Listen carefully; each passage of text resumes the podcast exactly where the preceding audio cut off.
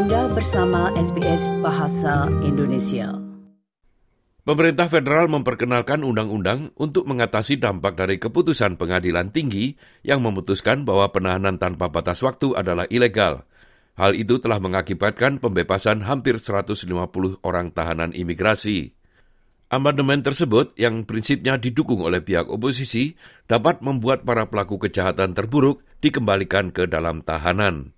Berikut ini laporan tentang hal tersebut yang disusun oleh Edwina Guinan untuk SBS News.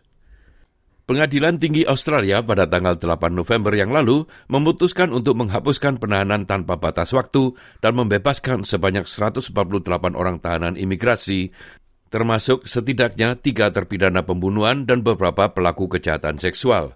Salah satu tahanan itu adalah kasus terpidana pelaku kejahatan seksual as berasal dari Myanmar. Menyusul keputusan pengadilan tinggi, Partai Buruh bergegas untuk mengesahkan undang-undang darurat, memperlakukan jam malam bagi mereka yang dibebaskan, dan memaksa mereka untuk memakai gelang pelacak. Kabinet federal telah bertemu untuk mengeluarkan lebih banyak amandemen yang bertujuan untuk lebih lanjut memperkuat undang-undang itu. Menteri Luar Negeri Penny Wong terpaksa kembali membela penanganan kasus pengadilan tinggi yang dilakukan pemerintah ketika ditanyai oleh oposisi di dalam Senat. These people have not individuals have not been released. uh, because uh, the government made a determination that they had to be released. These people are being released as a consequence of the High Court decision, which struck down, which struck down laws that you had in place. Uh, not the first set of laws uh, that uh, of yours that they have struck down. Berdasarkan amandemen baru ini, pemerintah dapat mengajukan permohonan ke pengadilan untuk menempatkan pelaku kejahatan terburuk di bawah perintah penahanan preventif dan menempatkan mereka kembali ke balik jeruji besi. Namun pemerintah harus menunjukkan bahwa orang tersebut mempunyai risiko yang tidak dapat diterima oleh masyarakat dan tidak dapat ditangani oleh persyaratan visa lainnya. Tahanan tersebut harus didakwa melakukan kejahatan dengan hukuman minimal tujuh tahun penjara dan perintah tersebut hanya akan berlaku selama tiga tahun dan harus diajukan kembali setiap tahun setelah itu. Pemimpin oposisi Peter Dutton mengatakan ia mendukung penahanan preventif, namun ingin bekerja sama dengan pemerintah untuk memastikan perubahan tersebut sesuai dengan konstitusi. We'll support bills uh, which keep Australians safe, but we're not going to have a situation where the government just at the last minute drafts these bills overnight. Uh, there's always an inadequacy. They don't have the desire to think outside of the box when it comes to keeping Australians safe. Namun sampai saat ini belum diketahui berapa banyak tahanan yang dibebaskan yang akan menerima perintah penahanan preventif.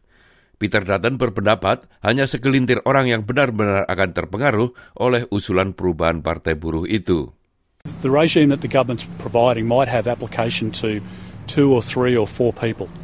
Uh, that's that's it. So the other 142 that they've unnecessarily released into the community now have the potential to cause harm, and I think the Australian public uh, are rightly very angry about it.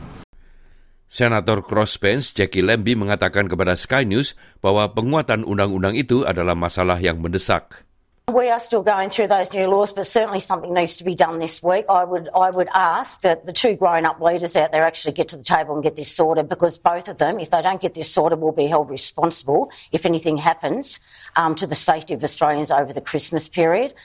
Namun, Senator Partai Hijau Sarah Hansen Young telah menuduh pemerintah menimbulkan rasa takut dan menfitnah pengungsi dan migran sebagai tanggapannya terhadap keputusan pengadilan tinggi. Demikianlah tadi sebuah rangkuman yang ditulis oleh Edwina Guinan untuk SBS News dan disampaikan oleh Ricky Kusumo. Anda ingin mendengar cerita-cerita seperti ini?